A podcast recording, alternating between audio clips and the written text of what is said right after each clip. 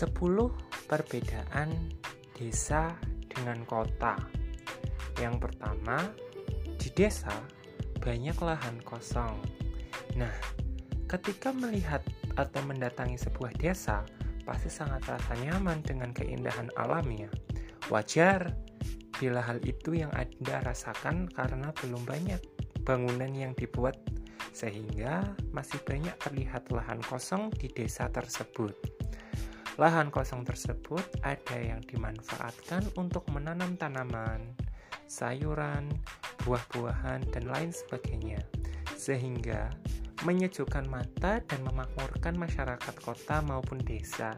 Jadi ada fungsi penting desa nih untuk kota. Jadi dapat memakmurkan kebutuhan masyarakat di kota. Tentunya sangat jarang ditemui bangunan tinggi yang megah di wilayah desa, mengingat mereka pun masih taat dengan aturan atau budaya setempat.